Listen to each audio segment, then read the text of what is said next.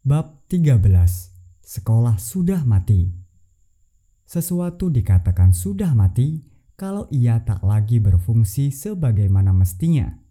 Orang mati adalah orang yang tak lagi berfungsi sebagai orang. Kota mati adalah kota yang tak lagi berfungsi sebagai kota.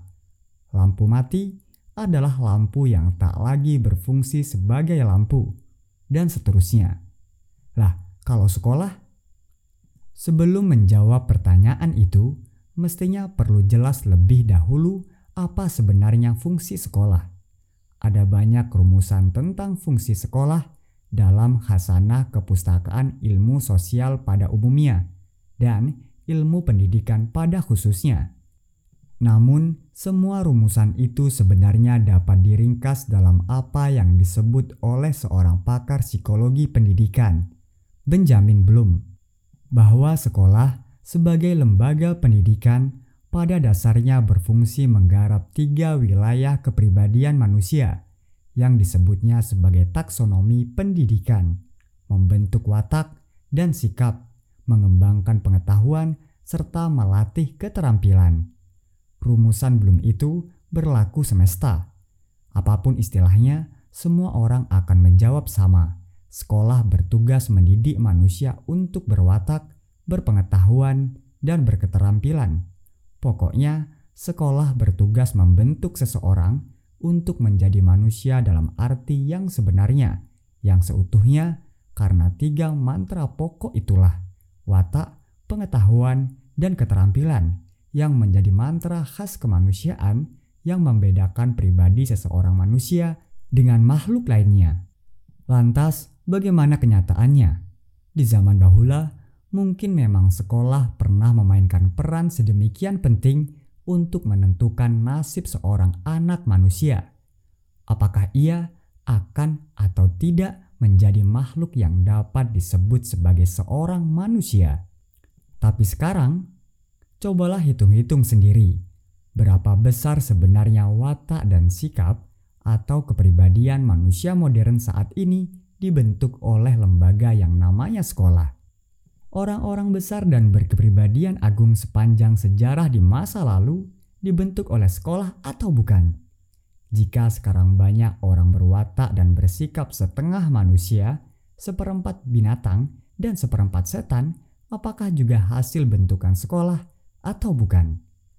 Kalau iya, Lantas apa makna dan fungsi sekolah yang semakin banyak kita bangun serta para sarjana yang semakin banyak kita luluskan dari sekolah? Kalau tidak, dengan alasan bahwa hal itu lebih sebagai hasil bentukan lembaga-lembaga masyarakat modern yang lain, terutama media massa, lantas apalagi fungsi yang harus dijalankan sekolah? Berupaya membendung semua dampak negatif lembaga bukan sekolah tersebut akan seberapa kuat? Berapa banyak waktu yang dihabiskan oleh anak sekolah saat ini di dalam kelas, di perpustakaan atau di laboratorium dibandingkan dengan waktu mereka untuk menonton televisi, membaca majalah dan surat kabar, mendengar radio, atau mengunjungi bioskop dan diskotik. Kalau anak-anak sekolah sekarang berkelahi tawuran di jalan-jalan raya, menghisap ganja, iseng-iseng jadi perek atau kumpul kebo, menghamburkan cat semprot untuk menulis grafiti serem-serem di taman-taman, aspal jalanan, pagar-pagar gedung, di WC, apakah itu masih tanggung jawab sekolah? Ataukah sekedar dosa asal para redaktur majalah pop dan sutradara film remaja picisan?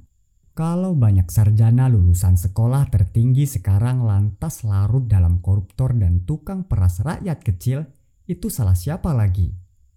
Terus, Cobalah reka-reka sendiri berapa banyak sebenarnya ilmu pengetahuan yang dimiliki oleh anak sekolah saat ini yang memang benar-benar diberikan oleh lembaga yang namanya sekolah.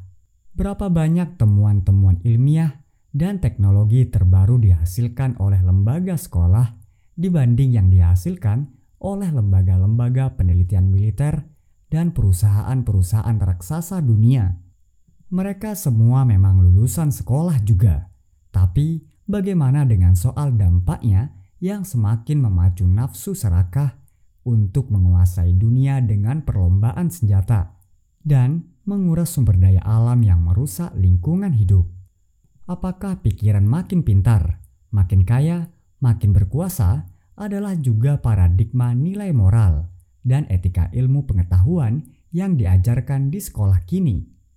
Kalau memang ya, lantas apa kaitannya dengan tujuan pembentukan watak kemanusiaan luhur yang digembar-gemborkan dalam setiap wejangan dan nasihat para guru di sekolah?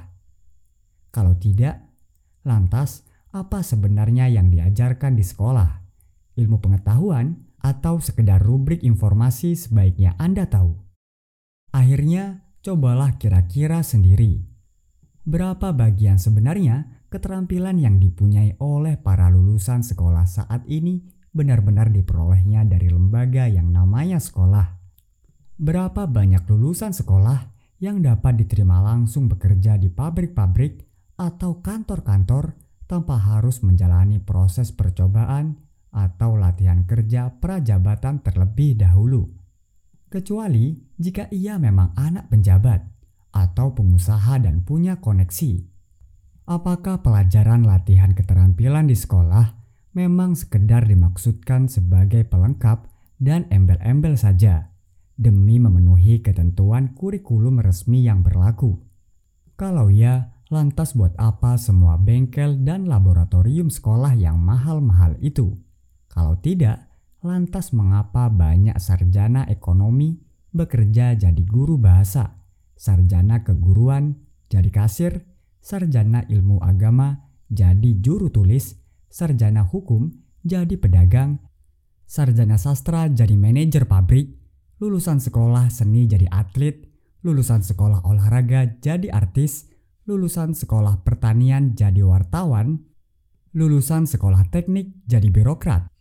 Kalau ternyata Anda menemukan bahwa semua atau sebagian besar jawaban dari pertanyaan-pertanyaan di atas adalah iya, maka sebenarnya memang sekolah tidak berfungsi lagi sebagaimana mestinya, alias sudah mati. Ya, sekolah memang sudah mati. Anda boleh-boleh saja tidak setuju dengan Friedrich Wilhelm Nietzsche yang pernah berteriak, "Tuhan sudah mati." Anda boleh menyumpah dan bilang orang Prusia itu memang-memang gila, sinting, frustasi, kena penyakit ayan, sipilis, atau geger otak sekalipun. Soalnya, barangkali memang sulit memahami jalan pikirannya yang memang sangat spekulatif sebagaimana banyak pemikiran filsafat pada umumnya. Tapi Anda tak bisa sembarangan menuduh orang yang namanya Everett Reimer karena orang ini memang tidak bicara dalam bahasa filsafat yang serba metafisis dan kontemplatif. Sebaliknya, dia bicara dalam bahasa perampatan atau generalisasi ilmiah yang sangat dingin dengan dukungan data hasil penelitian yang absah menurut kaidah-kaidah ilmiah yang lazim dan diakui, antara lain data dari lembaga dunia yang paling berwenang seperti UNESCO. Dan berdasarkan semua data itulah, Reimer tiba pada jawaban ya terhadap pertanyaan-pertanyaan di atas lalu menyimpulkan sekolah sudah mati. Tetapi kalau Anda tetap tak tega mematikan lembaga yang telah ikut membesarkan Anda itu, atau kalau ternyata memang Anda menemukan dan mampu membuktikan bahwa jawaban dari semua pertanyaan-pertanyaan di atas adalah tidak, maka segera Anda akan temukan sendiri betapa banyak inkonsistensi dan kontroversi yang disandang oleh lembaga yang bernama sekolah itu. Bahkan, Anda akan menemukan betapa diri Anda sendiri memendam inkonsistensi dan kontroversi tersebut sebagai hasil keluaran sekolah. Dan dalam keadaan serba tanggung seperti itu, paling-paling Anda pada akhirnya juga cuma bisa bilang, absurd. Absurd. Ya, kalau memang tidak atau belum mati, paling tidak sekolah memang sudah jadi absurd dalam dunia modern kita saat ini yang juga sudah mulai menjadi serba absurd. Ibarat kata Paul Goodman bahwa kita memang bertumbuh dalam zaman yang serba absurd, termasuk seluruh tatanan dan kelembagaan masyarakatnya yang juga serba absurd. Anda pening, itulah bukti absurditas ini. Selipi 20 Mei 1986